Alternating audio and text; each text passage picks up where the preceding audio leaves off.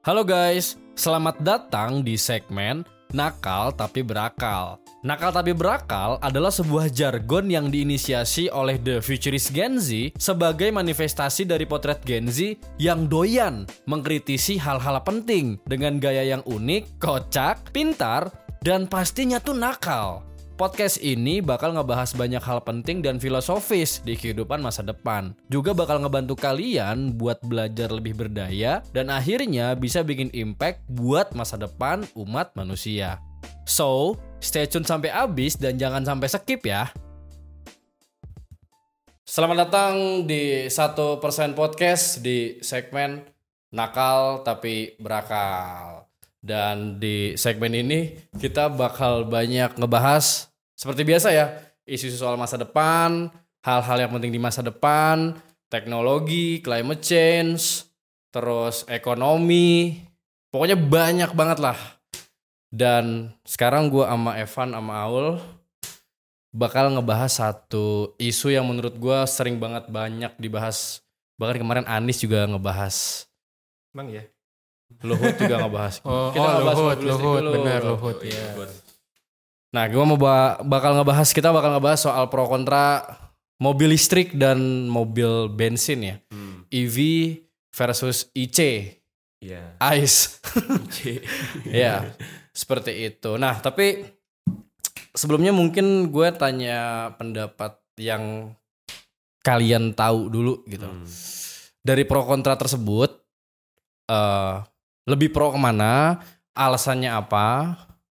Ya kira-kira seperti itu sih. Iya. Dari Evan mungkin. Oke.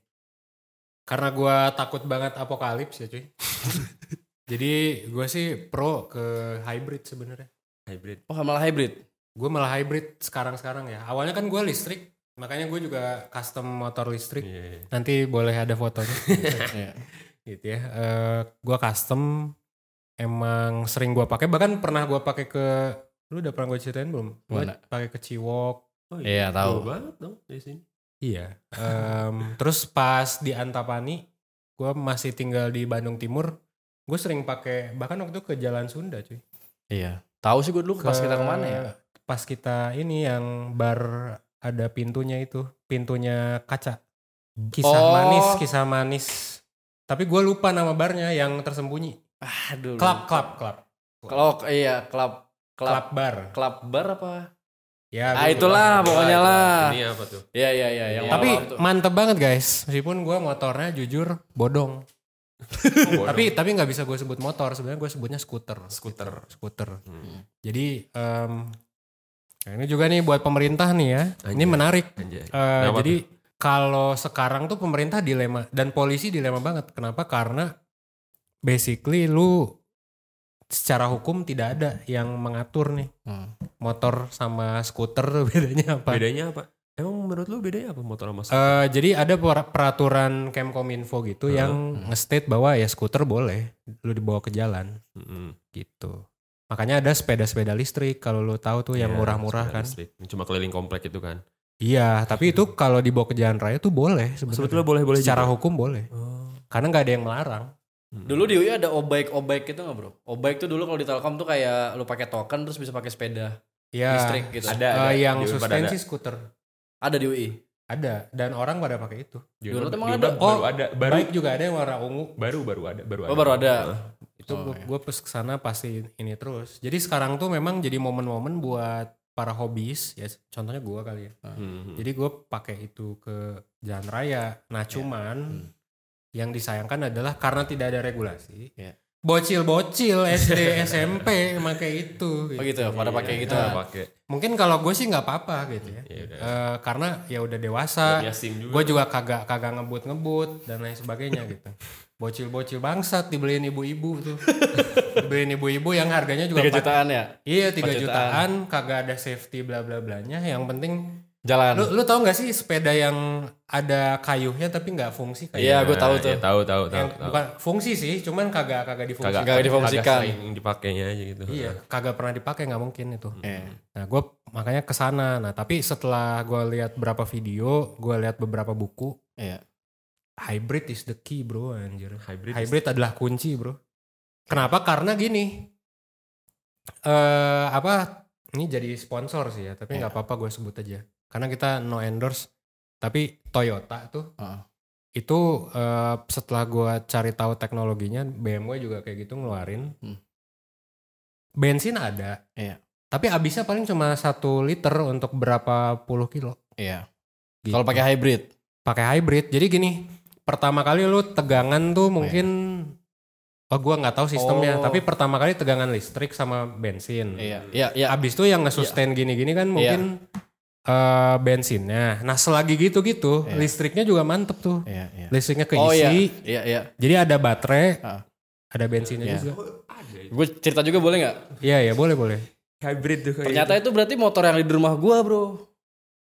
Oh gitu. Yang di keluarga maksud gua. Jadi tuh kemarin kan baru pokoknya ada motor satu dia sebenarnya brandingannya tuh hybrid. Cuman gua nggak tahu hybrid itu sistemnya seperti apa. Gue pikir kan memang ada baterainya dan ada bensinnya dan dan, dan di charge juga kan gitu. Hmm. Nah ternyata pas gue pelajari memang betul yang lu ceritain. Jadi dalam dalam kecepatan yang tinggi dia tuh energinya tuh udah pakai listrik. Jadi jadi ada perubahan. Jadi muter, muter betul gitu. betul. Jadi si Termodinamika, Bro. Oh. jadi si mesinnya itu ngisi listrik, Heeh. mesin yang dianuin bensin itu ngisi listrik, ya listriknya nanti kalau misalkan udah full atau udah dalam satu momen tertentu dia bakal ngegantiin tenaga dari bensinnya. Oh itu ada anjir. Ada Gua baru bro. Udah ada lah, udah ada itu. Udah ada, bro. tahu. Gua- gua- Bahkan lo bisa beli. Gue kira gue kira full listrik full listrik full apa full bensin full bensin. Sebenarnya basically itu tuh cara kerja aki bro. Ngerti nggak? Uh, uh, Aki itu kan uh. diisikan Oh, aki. dari kelistrikan. Iya. Jadi eh, peputa- putaran mesin bensin dia kan menghasilkan sebuah listrik dan mengisi aki. Iya. Padahalnya akhirnya lu bisa dengerin musik tanpa harus nyalain mobil misalnya mesin Iya, atau iya. AC gitu loh. Sama aja sebenarnya kayak gitu, cuman sekarang si eh, akinya itu diisi atau dialokasikan buat menggerakkan si motor. Iya. Anjir. Gokil sih. Iya, jadi setelah gue denger itu, oh berarti bagusnya. Ya, Sebenarnya ya. sekarang masih jelek sih, yang yang mana? masih jelek yang hybrid menurut Yang gue karena eh, dia nggak bisa full listrik, dia Hmm. nggak bisa full bensin. Harusnya sih nanti tinggal kenop aja. Oh jadi Menurut mau, gue ya. mau yang listrik bisa Mau yang bensin. listrik iya, mau yang listrik bisa, mau yang bensin bisa. Enakan auto gak sih tapi? Hmm? Enakan auto gak sih? Ya enakan. Iya auto. bener bener. Enakan Eh, auto sih. normal condition auto. Iya, Tapi kayak kalau misalnya lu mau berapa seribu kilometer gitu misalnya. iya, iya. Saya dari Bandung ke Bali lah. Yep. Eh, itu ya pakai itu aja, tinggal reset knob Oke. gitu. Soalnya kan, eh, da- tapi sekarang jeleknya adalah itu belum murah. Oke. Kan kalau udah murah, enak banget Enak tuh. banget. Dan penggunaan bensin, eh, soalnya gini, gini bro. Ini gua eh, sorry SJW ya. gitu. tapi tapi eh, batu bara dan Iya. lain sebagainya Iya, tuh iya.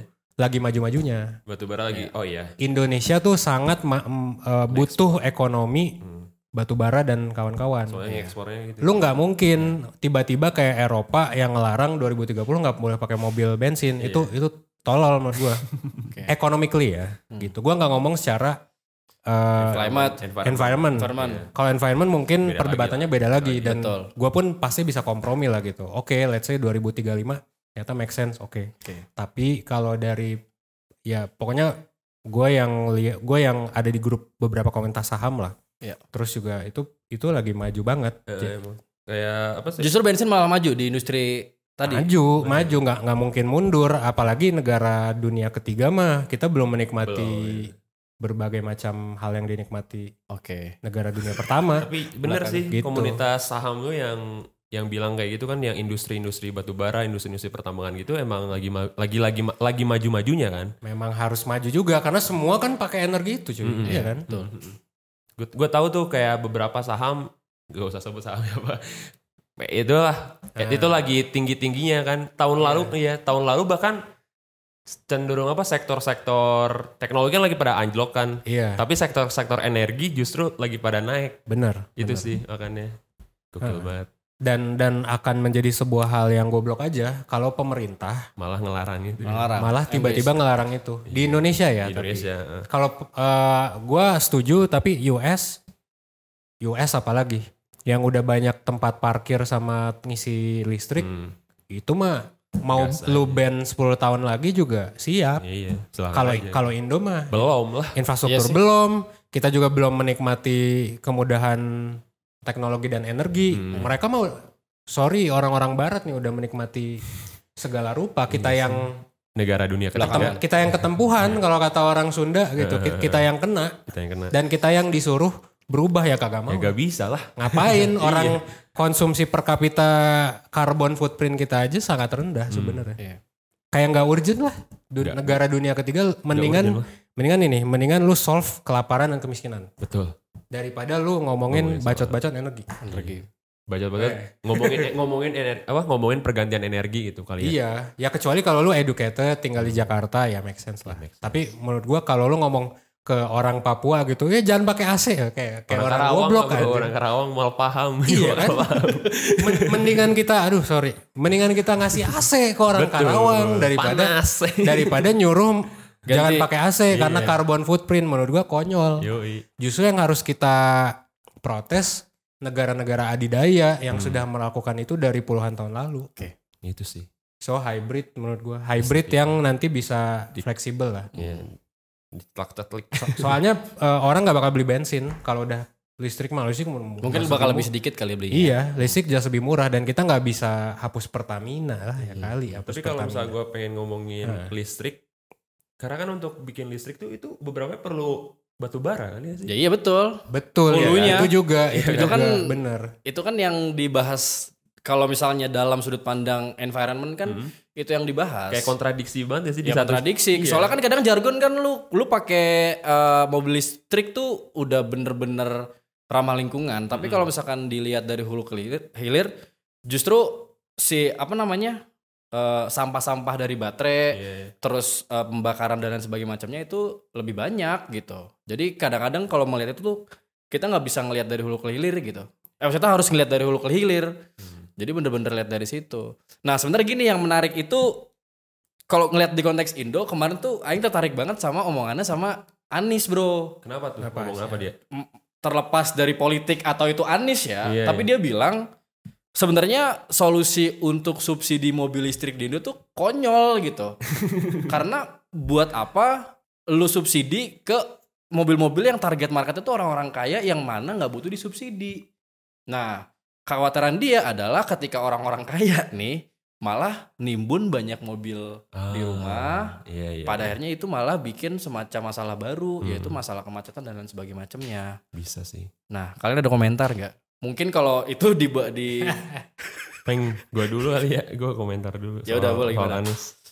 Menurut gua iya sih, kayak eh bahkan yang tahu bahwa yang yang tahu isu-isu soal lingkungan kan orang-orang yang lebih well privileged lah gitu, iya gak sih?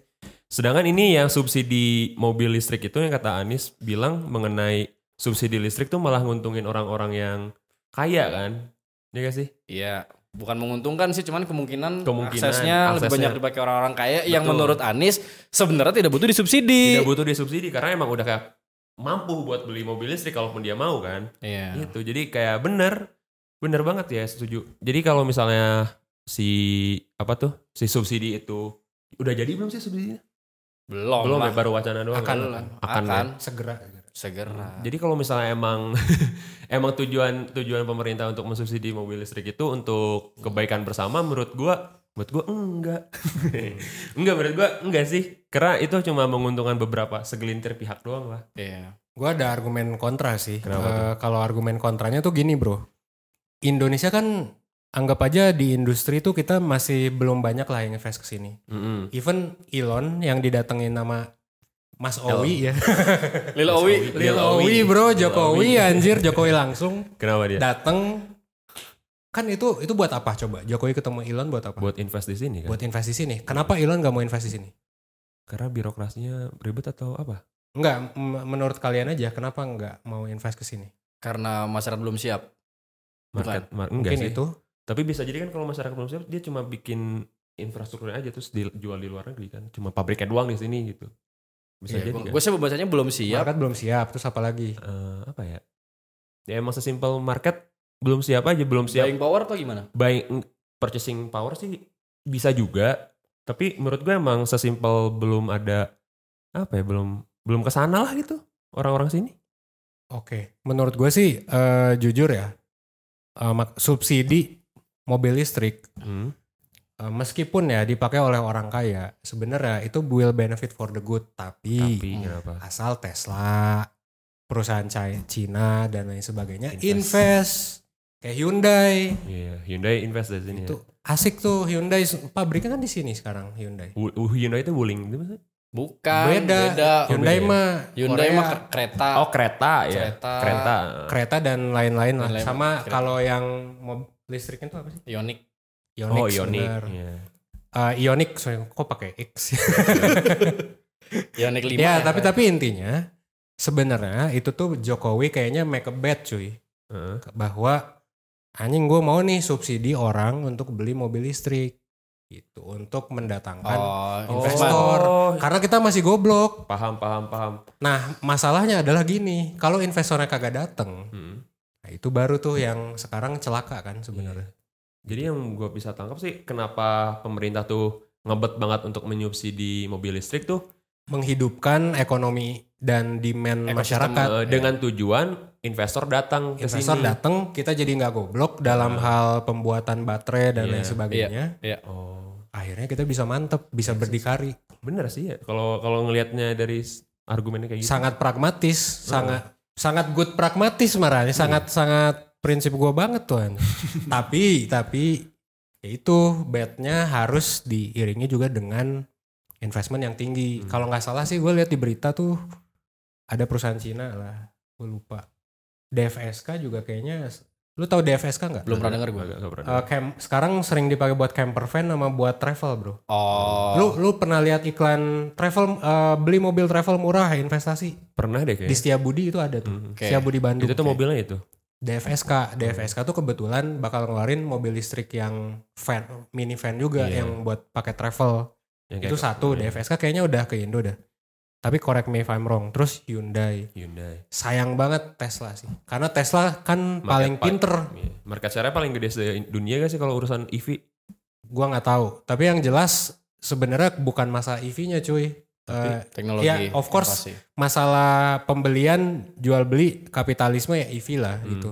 Eh, tapi baterainya, teknologinya, Oh, iya. masyarakat kita nanti dapat lapangan kerja, Bisa. Iya. stimulus gitu. Karena ini ngomongin middle income trap, kalau Hmm. misalnya kita gini-gini aja, udah stuck ya. kitanya jualan warkop doang, nasi beras gitu kan. Itu bakal kalah sama industrialisasi industrialisasi berasanya Vietnam kan. Iya, tapi tapi benar sih Gitu. kalau kalau industri itu kan khususnya industri-industri pabrik ya, itu tuh Ya, silakan. Oke oke. Oke, sponsor guys. Jadi industri Lanjut lanjut lanjut. jadi industri-industri itu tuh kan justru yang nyumbang tenaga kerja paling banyak kan? Betul. Iya kan? Pabrik itu Pabrik, kan maksudnya. sangat banyak. Iya, Dan kalau orang masuk pabrik, apalagi pabrik canggih, kan otomatis jadi pinter. betul. Atau eh, anggaplah jangan orang-orang kita deh. Ya anggap imigran Cina lah yang dapat gitu. Eh, worst case lah ya. Yang kan yang sering disebutin gitu tuh. Jokowi mendatangkan Cina-Cina. Dan memang betul, iya kan. Tapi menurut gua bisa jadi kalau kita bisa mendatangkan orang India, orang apa, kita jadi pinter juga. Hmm, jadi case-nya tuh sama kayak dulu Kayak Singapura, kayak Singapura. Iya. bro. Iya, case-nya tuh kayak gitu. Hmm. Bahkan alasan Jokowi kenapa milih Cina selain Jepang untuk kereta cepat, katanya katanya yang gua baca gak tahu benar atau salah. Iya. Katanya Jepang tuh lebih pelit ilmu dibanding Cina. Itu pada Ah, dengar gak iya. sih kalau itu? Iya ya. Pernah Jepang dengar ya? mungkin lumayan tertutup. Heeh, lumayan Kalau dari opini-opini temen gue juga Hmm. yang kerja di perusahaan Jepang gitu. dibandingkan dengan Cina. Makanya Indonesia milih Cina buat proyek kereta cepatnya itu. Iya. Walaupun sekarang kan agak membekak gitu juga kan katanya. Agak membengkak meskipun ternyata ya banyak juga yang membengkak lah. Gue kayaknya lebih pro Jokowi. Tidak apa-apa tapi, bro. eh, tapi Untuk kasus ini ya. tapi gini gini gini untuk untuk apa namanya overall ya Mm-mm. Jokowi itu gila banget sih. Eh, Mau kita hina kinerjanya atau enggak, electability orang, eh electability Jokowi di mata orang tuh menunjukkan bahwa kan ekonomi kita berarti makin mantep nih. Hmm. Setuju. Terlepas dari realitanya, itu kan branding ya. Bisa jadi. Terlepas dari realitanya, apakah dia beneran mantep atau enggak. Cuman kalau dalam hal ini, Jokowi bisa jadi keren sih keputusannya. Iya. Bisa jadi terkalkulasi lah.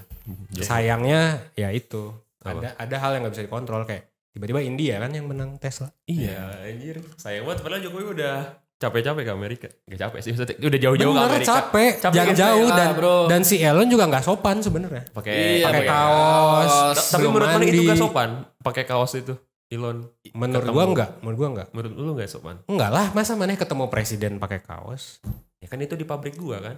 Iya, tapi kan aja lu ketemu presiden yang lu tahu, ya anggap aja gini deh, lu ketemu orang eh, presiden Dubai gitu. Ya, gua tahu Dubai itu seksi-seksi dan sebagainya. Masa pakai bikini? ya lu lihatlah ini Dubai gitu apa? Budaya Dubai. Jadi kayaknya Elon juga nggak serius-serius banget. Hmm. Nah, Walaupun- entah apa problemnya ya. Maksud gua entah apa problemnya di Indo. Bisa birokrasi, bisa korupsi. Iya sih, gitu. Lebih ke sana kali ya. Susah juga sih jadi- Susah. jadi pemerintah gitu. Hmm. Di satu sisi pengen datangin investor, tapi di satu sisi birokrasinya juga jadi itu gak sih? Iya, makanya banyak omnibus omnibus law kan. Iya. Termasuk uh, yang cipta kerja. Ya omnibus law tuh sebetulnya kan diciptain Mempermudah. buat mempermudah perizinan Iya. usaha gitu kan. Kalau nggak salah ya. Gue mungkin bakal ngebahas hal-hal yang dibahas SJW kali ya. Nah untuk Tadi kan ekonomi dan lain sebagainya macam. Nah ini gue lanjutin eh, tadi statementnya Anis. oh, boleh. Kalau Anis itu dia tuh lebih pro ke public transport bro. Hmm. Nah dia? cuman eh kalau nggak salah tuh ya gue pernah diskus sama Olive dan gue setuju. Jadi eh, aneh aja lu harus menyuruh orang naik eh, transportasi publik di negara yang di mana bawa mobil tuh keren gitu. Jadi maksud gue tuh ada mindset fundamental Iya. di eh, apa namanya di dalam masyarakat kan ya udah kalau misalkan gue pengen dapat status kan gue harus naik ini harus naik mobil dan sebagainya macamnya gitu loh. Jadi memang ada perubahan bukan ada perbedaan eh, apa ya level mungkin gitu. Nah menurut kalian gimana? Apakah memang solusinya ternyata menjadi oke ketika memang harus orang itu naik eh, public transport gitu? Atau ya udah ada solusi lain misalnya pengurangan eh, transportasi atau pakai ganjil genap misalnya kayak gitu atau gimana? Kalau terus Ini ini ini fokus ke mungkin fokus ke lingkungan ya kalau misalkan ngebahas ini dan mungkin fokus ke masalah soal mobilitas sosial. Maksudnya mo- juga. mobilisasi dan sebagainya macam kebiasaan. Gimana coba? Ini mungkin luas banget nih. luas banget sih cuman kalau gua ngelihatnya sih eh, mobilitas sosial yang ada di sini di Indonesia kan mereka kan lebih cenderung kar Bukan mobilitas sosial sih, mobilitas tuh? sosial beda bahasanya. Maksudnya mobilisasi oh iya mobilisasi orang-orang gitu ya. mobilisasi orang-orang yang Hmm. cenderung menggunakan kendaraan ya Hmm.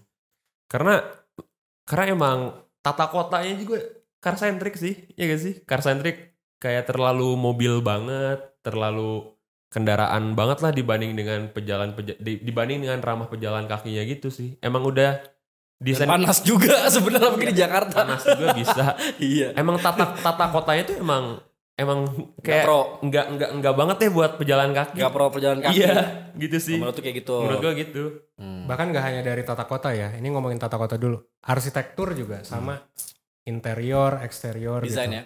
Heeh. Hmm. Sebenarnya Belanda tuh udah bagus. Iya. Pakai batu-batu yang putih hitam. Hmm. Lu tahu nggak batu-batu yang putih hitam kan bikin adem. Mm-mm. Jadi kalau lu ke museum-museum gitu biasanya cenderung lebih enak buat jalan kaki. Hmm. Sayangnya kita malah ikutin Amerika kan Skandinavia malah Oh. sekarang. oh sekarang Iya Harusnya kan? Kalau Amerika tuh dengan ya of course Amerika juga sih ada halaman kan. Heeh. Kayak eh, banyak yang ada halaman. Tapi kan kita ada pagernya juga. Iya. Nah rata-rata tren rumah sekarang malah Skandinavia minimalis. Oh minimalis. iya iya iya. Padahal belum tentu cocok juga. Hmm, soalnya kan Skandinavia suhunya kan udah dingin eh, duluan. jadi pakai batu bata gitu-gitu. Padahal harusnya pakai batu aja. Hmm. Pu- eh, yang putih hitam itu yang ada di sekolah-sekolah Iya. Belanda gitu. Iya. Itu juga. Nah eh, ngomongin soal Public ini ya transport. public transport. Gue ada argumen kontra juga sebenarnya. Iya.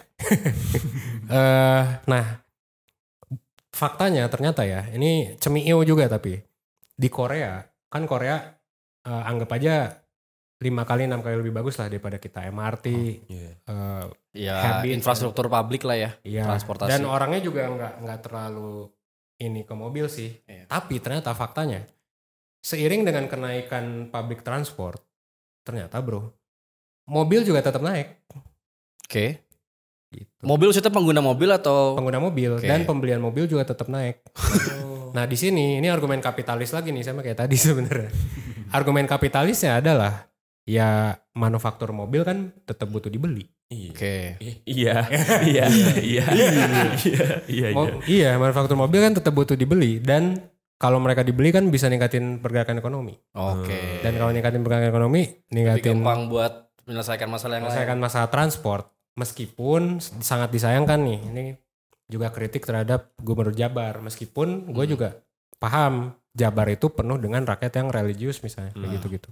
Tapi kalau ngomongin soal Ridwan Kamil kan pernah dirujak ya. Hmm. Kenapa lu memilih Al Jabar Hmm. daripada lu bikin jalan Public transport. sama public transport? Itu menurut gua kan eh, basically apa ya? Pertanyaan kebijakan publik soal demokrasi kan. Hmm. Masalahnya, nah ini kalau gue jadi Ridwan Kamil, anggap voter gue kebanyakan pengen masjid, Hmm. 80%. Dia tahu tw- 20% itu bener. Hmm. Orang-orang kayak kita mungkin yang lebih suka, ya masjid mah udah banyak lah gitu. Iya. Sepakat di sana. Iya. Iya, meskipun tanpa mengenai rasa hormat ya, masjid juga penting.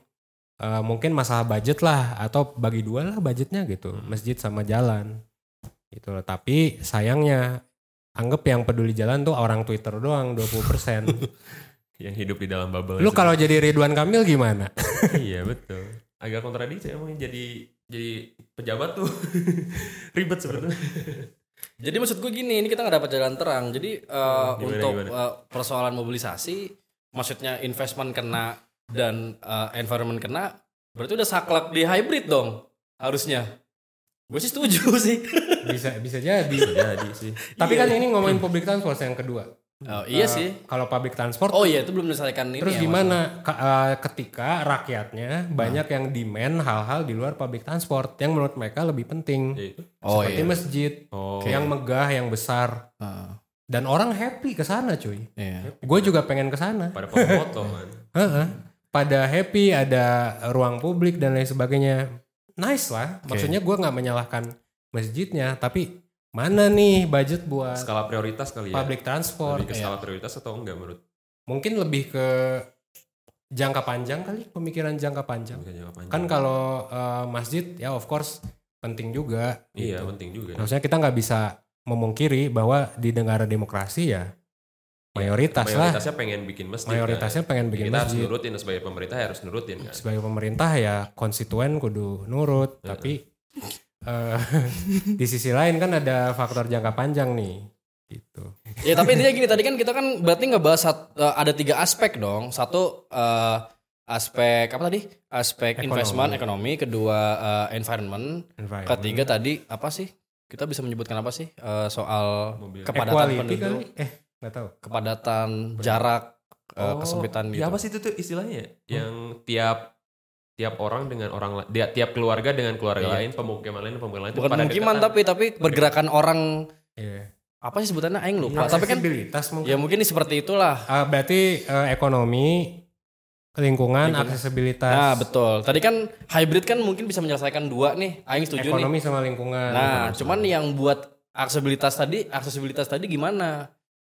Nah itu butuh butuh kajian pol- political will nggak sih dari pemerintah. Bisa. Cuman gua kagak ngerti juga kenapa dengan duit triliunan, kenapa nggak selesai sih? Apa terutama Bandung dah, Bandung gitu, yang Weekend. sampah banget nih, yang jalan-jalanan sampah banget. Iya. Padahal kita ke Bandung pengen mencari ketenangan ya. Iya. Tapi setiap weekend. Setiap weekend pada motor mobil ada. Eh, apakah memang butuh intervensi kayak di Jakarta gitu, platnya dibikin ganjil genap? Atau memang harus se-strict itu? Oh, iya, iya. Atau memang memang harus ada jalan-jalan yang nggak boleh dilalui sama mobil misalnya? Atau mungkin lu ada, ya gue lupa IRP itu apa sih? Ada mungkin kalau IRP kan dia kan sistemnya lu mau Bayar. masuk jalan sesuatu jalan harus bayar jalan misalnya. IRP. Ya itu cerdas sih menurut gue sih. Apa seperti apa? Atau memang eh, ya udah ada jadwal-jadwal orang harus keluar rumah pakai mobil atau gimana? Kita coba Kalau seperti Bayam sore aja coba gimana? kalau gue sih mikirnya IRP oke sih ya. Jadi kayak ngakses jalan Oke itu tuh, ha. ngakses jalan itu tuh harus bayar kan. Bayar Betul. iya kan? Terutama sih. untuk jalan yang tidak dilewati industri, tapi orang-orang yang yang ini aja, yang kagak penting gitu, buat Iya. liburan Buat misalnya. Iya. Cuman yang jadi problemnya tuh ketika ojol-ojol yang dia emang mata pencahayaan Oh iya, ojol harus lewat situ ya. Iya, itu problemnya. Itu lucu sih. Yang pada harus lewat kan. jalan ERP sih. Heeh, itu problemnya itu paling. Menarik sih. Eh iya, tapi tapi jangan sampai intinya kan si ERP itu ngemalakin orang lah ibaratnya. Hmm. Iya. Solusinya kan malakin orang. Jadi kayak eh, Ibaratnya malah siapa yang dipalakin, apakah memalak malakin itu Iya. eh, ada dampak negatifnya enggak? Kalau dampak negatifnya sih yang paling jelas ya industri lah. Hmm. Kayak kita yang harusnya gratis, eh malah jadi bayar, Iya. jadi cost company. Iya, betul. Tiba-tiba company harus lay off, jadi penurunan melesukan ekonomi. Iya. Atau yang awalnya nggak macet gitu, gara-gara nggak ada apa, tiba-tiba macet. Hmm. Gue nggak tahu sih itu ERP apakah right Ya coba coba gue kasih kondisi. Kalau misalkan lu punya mobil listrik, eh mobil hybrid misalnya, terus eh, tinggal tadi satu nih faktor soal aksesibilitas nih. Terus pemerintah tuh bikin kebijakan. Hmm. Lu kalau mau keluar harus selang-seling nih seminggu sekali. Gitu. Misalkan weekend. eh di weekend yang eh, satu dan tiga misalnya di per bulan lu nggak boleh eh, jalan. Di weekend 24 lu boleh jalan. Lu setuju nggak kayak gitu? Misalkan ada semacam eh, kebijakan seperti itu.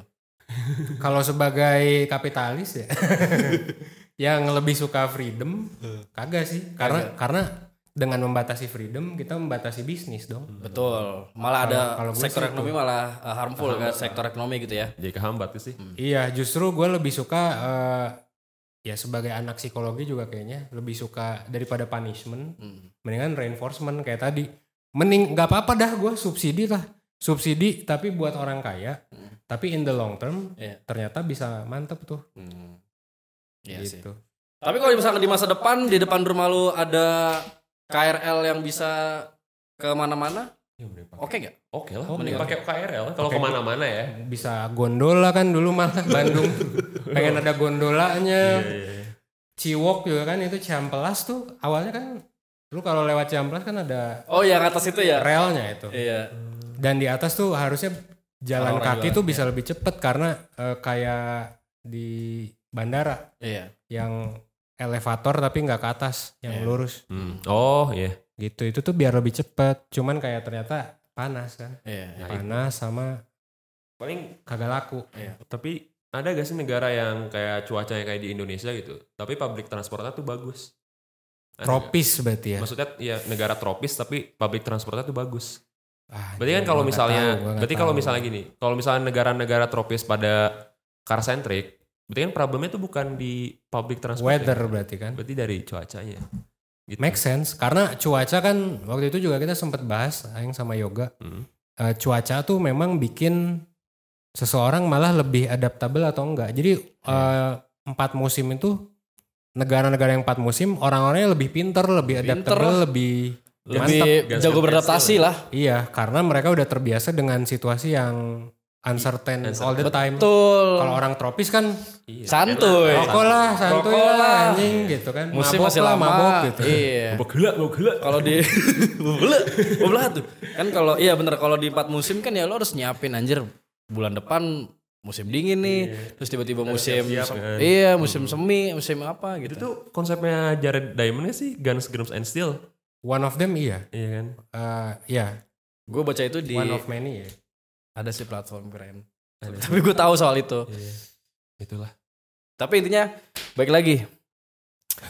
Eh, seru soalnya nih. Eh. Em, kapan nih kira-kira public transport bakal seoke itu memungkinkan orang-orang parongpong nih Orang-orang mengas- Parongpong, Ciwaruga Ciwaruga. untuk mengakses Braga. Iya betul. Tanpa macet. Tanpa macet, tanpa desak-desakan. eh tapi nggak usah tanpa macet dah. Accessibility aja Ya dulu. intinya itu dulu dah. Bisa bisa naik dah gitu. Iya. Bodoh amat mau macet, yang penting bi- bisa naik gua. Iya. Sekarang kan harus punya motor sendiri atau Gojek. Hmm. Ya, Jalan tol aja butuh waktu berapa lama? Jokowi itu bangun jalan tol. bangun jalan tol pun itu cuma Dua periode kan maksudnya kalau dihitung cara bersih gitu loh. cuma di Jawa doang loh yang apa pulau-pulau lain nggak nggak semasif Pulau Jawa jalan tolnya, Iya sih. iya kan? Iya sih. Itu pun jalan tol, bro. Berarti maksud lu bakal lama kalau iya. dipakai di Ci- Ciwaruga, Itu Parongpong. Pun, itu pun jalan tol. Belum ngomongin pulau-pulau lain kayak Kalimantan, Sulawesi itu beda lagi kan. Kan Indonesia tuh luas ya, nggak cuma Pulau Jawa doang. Hmm. Menarik kan? Iya sih. Aing pengen ngomong teknologi teleport cuman terlalu Sci-fi banget. sih. terlalu panjang, terlalu jauh. Tapi eh, kalau ditanya kenapa lama, kenapa emang? Kok kok bisa lama kan bikin tol emang susah apa sih? Gua pancing Ya, tuh. Inilah bro kan di Apa? balik itu kan ada Dan, dan, ada semacam Korupsi, konflik sama mungkin. yang punya proyek. ya, bisa Oh, rumah juga pembebasan lahan yang Betul. lama. Pembebasan Kemarin lahan. tuh yang baru diselesaikan gue lupa sama Jokowi itu itu kan karena pembebasan lahan bro. Yang bikin lama sampai 10 tahun kan karena itu. 10 tahun. 10 tahun itu gue lupa tol mana ya. Berarti bikin tolnya gampang, tapi yang susah apa? Pembebasan Pembebasan lahan. Iya. Kayaknya tol Bogor deh bro. Duit ya berarti. Betul. Masalah duit. Oh, mereka mungkin jualnya nggak make sense.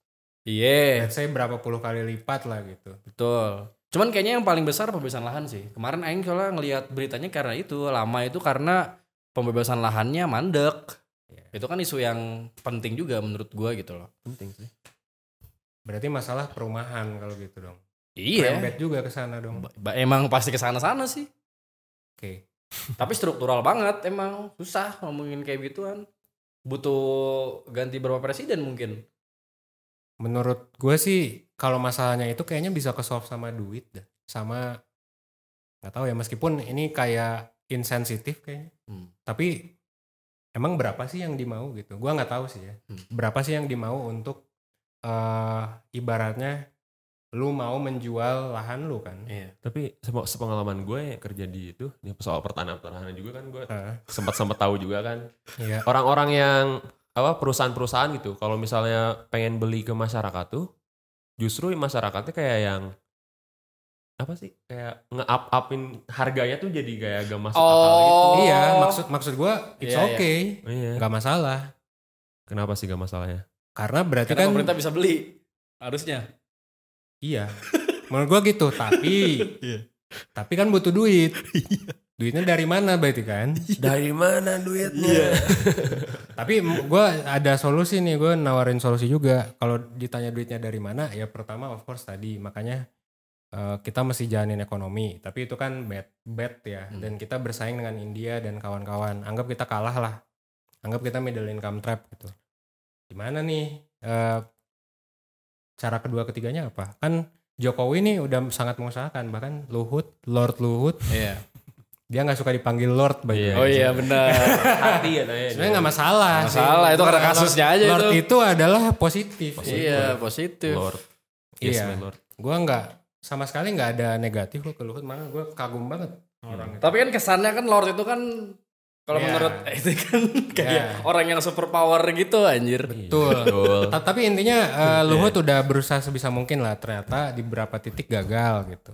Iya. Itu Kayak how to get the money gitu. Meskipun ya gue juga menurut gue ya yang masalah lahan tadi Hmm. ya make sense lah anggap 10 kali lipat tuh make sense yang harusnya 1 M jadi 10 M Nah itu. Kadang kayak gitu banget masyarakat tuh. Karena ngelihat yang belinya siapa, jadi langsung nge-mark up banget Ya, lah. Iya sih, gue juga gak bisa menyalahkan Gitu. juga sih. Gak bisa menyalah menurut gua ya dari segi SJW sekarang gua nggak bisa menyalahkan karena ibaratnya ya itu ya Udah hak dia tanah kan? bumi mereka Karena gitu. bumi mereka Eh, mau jual berapa juga ya terserah bahkan mau nggak mau dijual juga nggak bisa bro, Ters- digusur. terserah terserah kan makanya ribet Eh, tapi eh, saran gue sih buat yang punya rumah ya it's okay lu jual berapa tapi ada batasnya si pemerintah juga nggak masalah lah ngasih 10 kali lipat Iya sih. Harusnya cuman kan 10 kali lipat untuk berapa rumah? berapa meter Ya, itu harus meter? dilihat dalam dalam kacamata investment dan long term goalsnya berarti Tinggal kalau kayak gitu. aja, Iya. Gila sih. Sebenarnya kan bisa juga pakai tender swasta dan lain sebagainya macam orang pada masuk buat nyuntik dana dan segala macamnya kan bisa juga kalau ngomongin duit. Atau gue juga penasaran apakah harga tol yang mahal sekarang tuh karena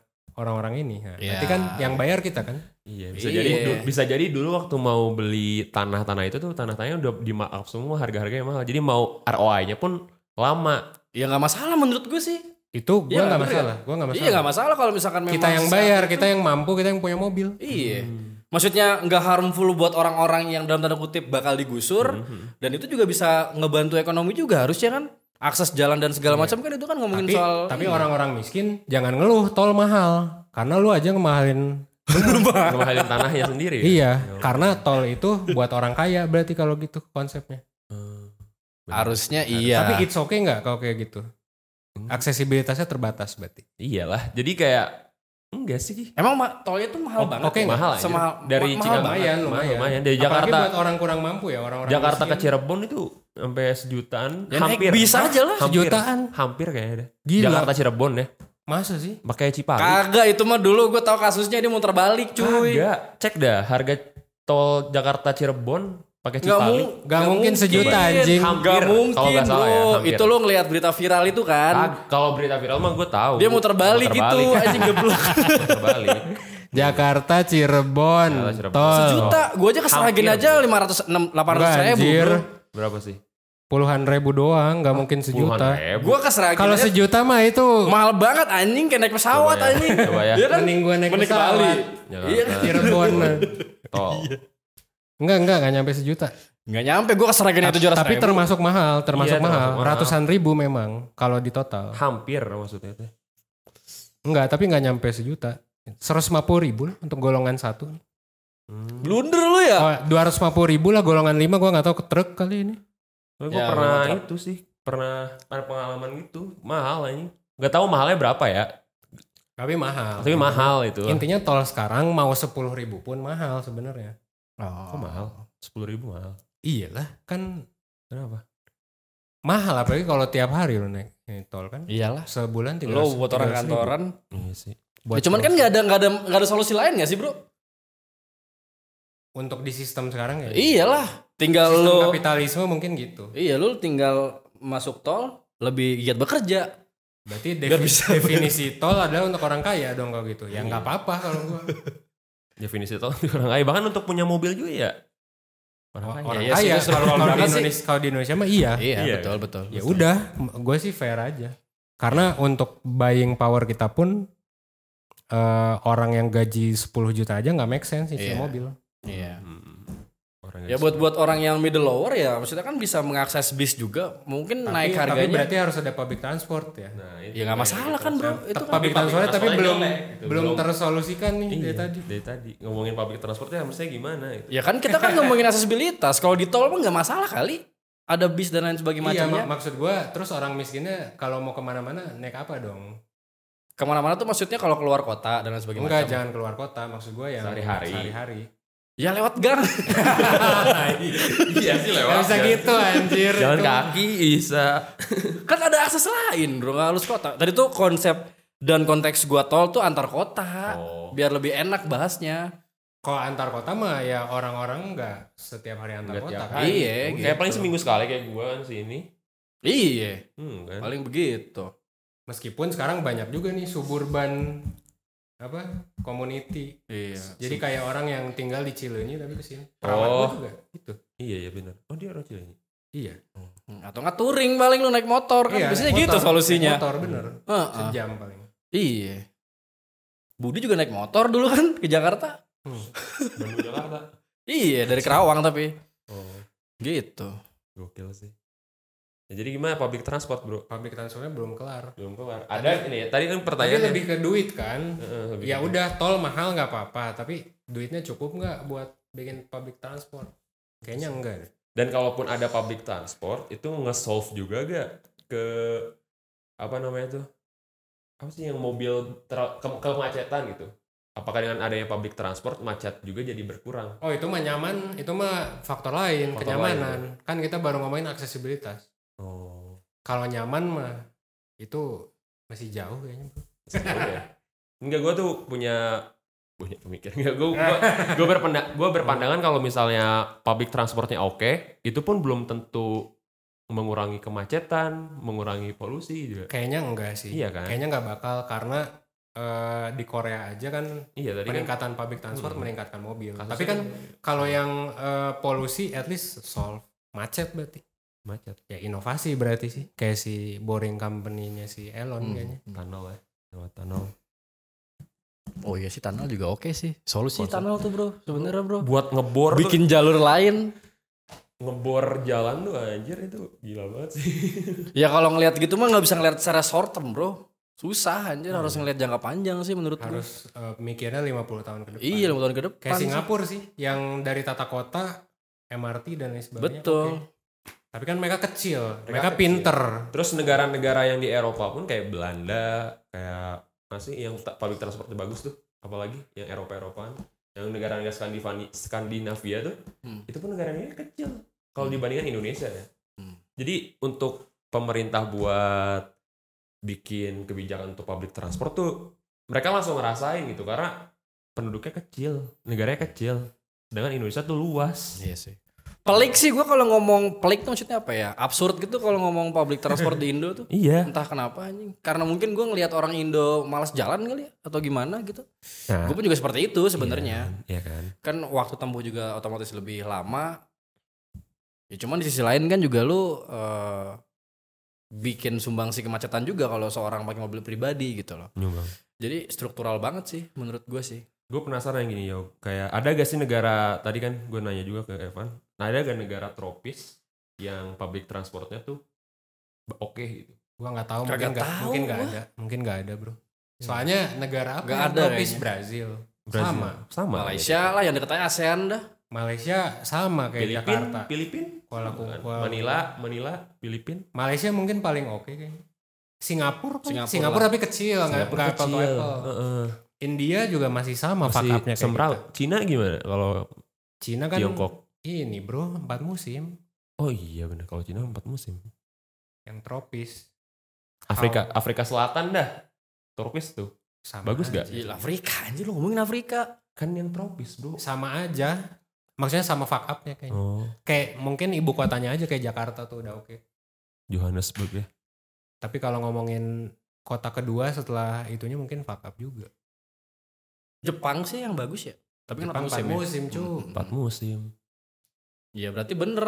Berarti Ada bener Bahasan faktor tadi soal ya. faktor-faktor Ada- ada musim. pengaruhnya. Jadi Jared Diamond lagi kita nih. Ada- Ternyata transport itu tentukan oleh musim. Musim. Karena orangnya lebih berpikir long term. Nah, Iya. Gitu. udah di- bisa disimpulkan bahwa tidak ada kesimpulan berarti untuk accessibility. Iya. Kayak kita berarti enjoy aja kalau gini mah. Eh, car centric ya udah emang Iya. emang kayak gini. Ya, emang gini. Eh, maksudnya emang lu telan aja berarti. Emang daerahnya emang cocoknya kayak gini gitu. Iya sih. Gitu gak sih maksudnya? Iya emang ditelan aja alias kita lebih baik daripada nyesain transport mendingan nyesain kelaparan, Iya. kemiskinan. Jadi biar gimana caranya biar orang punya mobil daripada eh gimana caranya orang punya aksesibilitas transport. Hmm. Tapi terlalu ini sih, terlalu jahat sih Terlalu jahat. solusinya itu. Gitu. Ya jahat, mau gimana jahat lagi? buat yang unprivileged. ya gimana lagi ya? KCC pun menurutku cerdas juga sih. Kan itu ngebantu kita juga harusnya. Bandung Jakarta Jelas. jadi lebih Iya. cepat kan? Tapi Betul. tapi harganya berapa sih bro? Kalau normal Dua KCC? setengah. Dua setengah dan Oh, memang dua setengah. Murah. segmen- segmentasinya Murah Segmentasinya menengah ke bawah kan karena ditaruhnya di dekat Aljabar tuh. Oh. Dan itu rata-rata memang Oh, itu dua setengah buat menengah ke bawah bro. enggak. Maksud gua kalau lu lihat dari lokasi. Lokasinya itu di ini. Eh, ini asumsi sih, tapi gue ngelihat orang-orang yang jauh lebih kaya tuh kayaknya Bandung Utara Oke. sama Bandung Tengah deh. Oke. Tapi ternyata kan mereka milihnya Bandung Timur yang jauh banget. Hmm. Yang mana itu memang kebanyakan suburban Arena. menengah ke bawah. Suburban arena. Orang-orang yang beli rumahnya tuh very cheap lah. Iya. 50 juta bro itu ada. Ada, Tapi ada. di dua, Cilenyi dua, ada. dua setengah ada itu. Ada Cilenyi. dua setengah buat menengah ke bawah tuh mahal banget menurutku. Kalau Sangat-sangat mahal. kalau Enggak lah. Kalau seminggu Masa sekali sih? enggak kan yang ya, kan yang awalnya mereka harus ke tengah jadi dari timur. Iya sih. Tapi berapa orang yang berpikir seperti itu gitu loh. Ya itu mah masalah ini soal finance, soal literasi. Ya. Satu persen tuh lagi nge-solve itu. Kita kan ada psychology of finance. Anjay. Kayak dibanding nggak tahu sih gue nih eh eks- thought eksperimen ya. Kayaknya dibanding naik KCIC gitu. Kalau suburban suburban mending naik Baraya anjing. Ke Jakarta. Bisa jadi. Iya sih bisa jadi Oh. karena mereka mikirnya eh, waktu tidak lebih berharga daripada uang. Betul. Mendingan gua jalan tiga jam ke tengah Iya. macet-macetan terus baraya macet-macetan juga daripada 20 menit ke Iya. sono. Iya. Gak make sense sih buat middle class upper class yang Iya. udah mikirin waktu sangat Iya. berharga. Ah, that's why makanya gue bilang itu mungkin mahal buat mindset. mereka. Berarti masalah mindset kalau gitu. Salah mindset balik lagi ya. Bukan masalah ini dong itu. Kalau bener kalau misalnya fokusnya pengen ngehemat waktu ya solusinya ya pakai KC KC Kece-ice. CIC.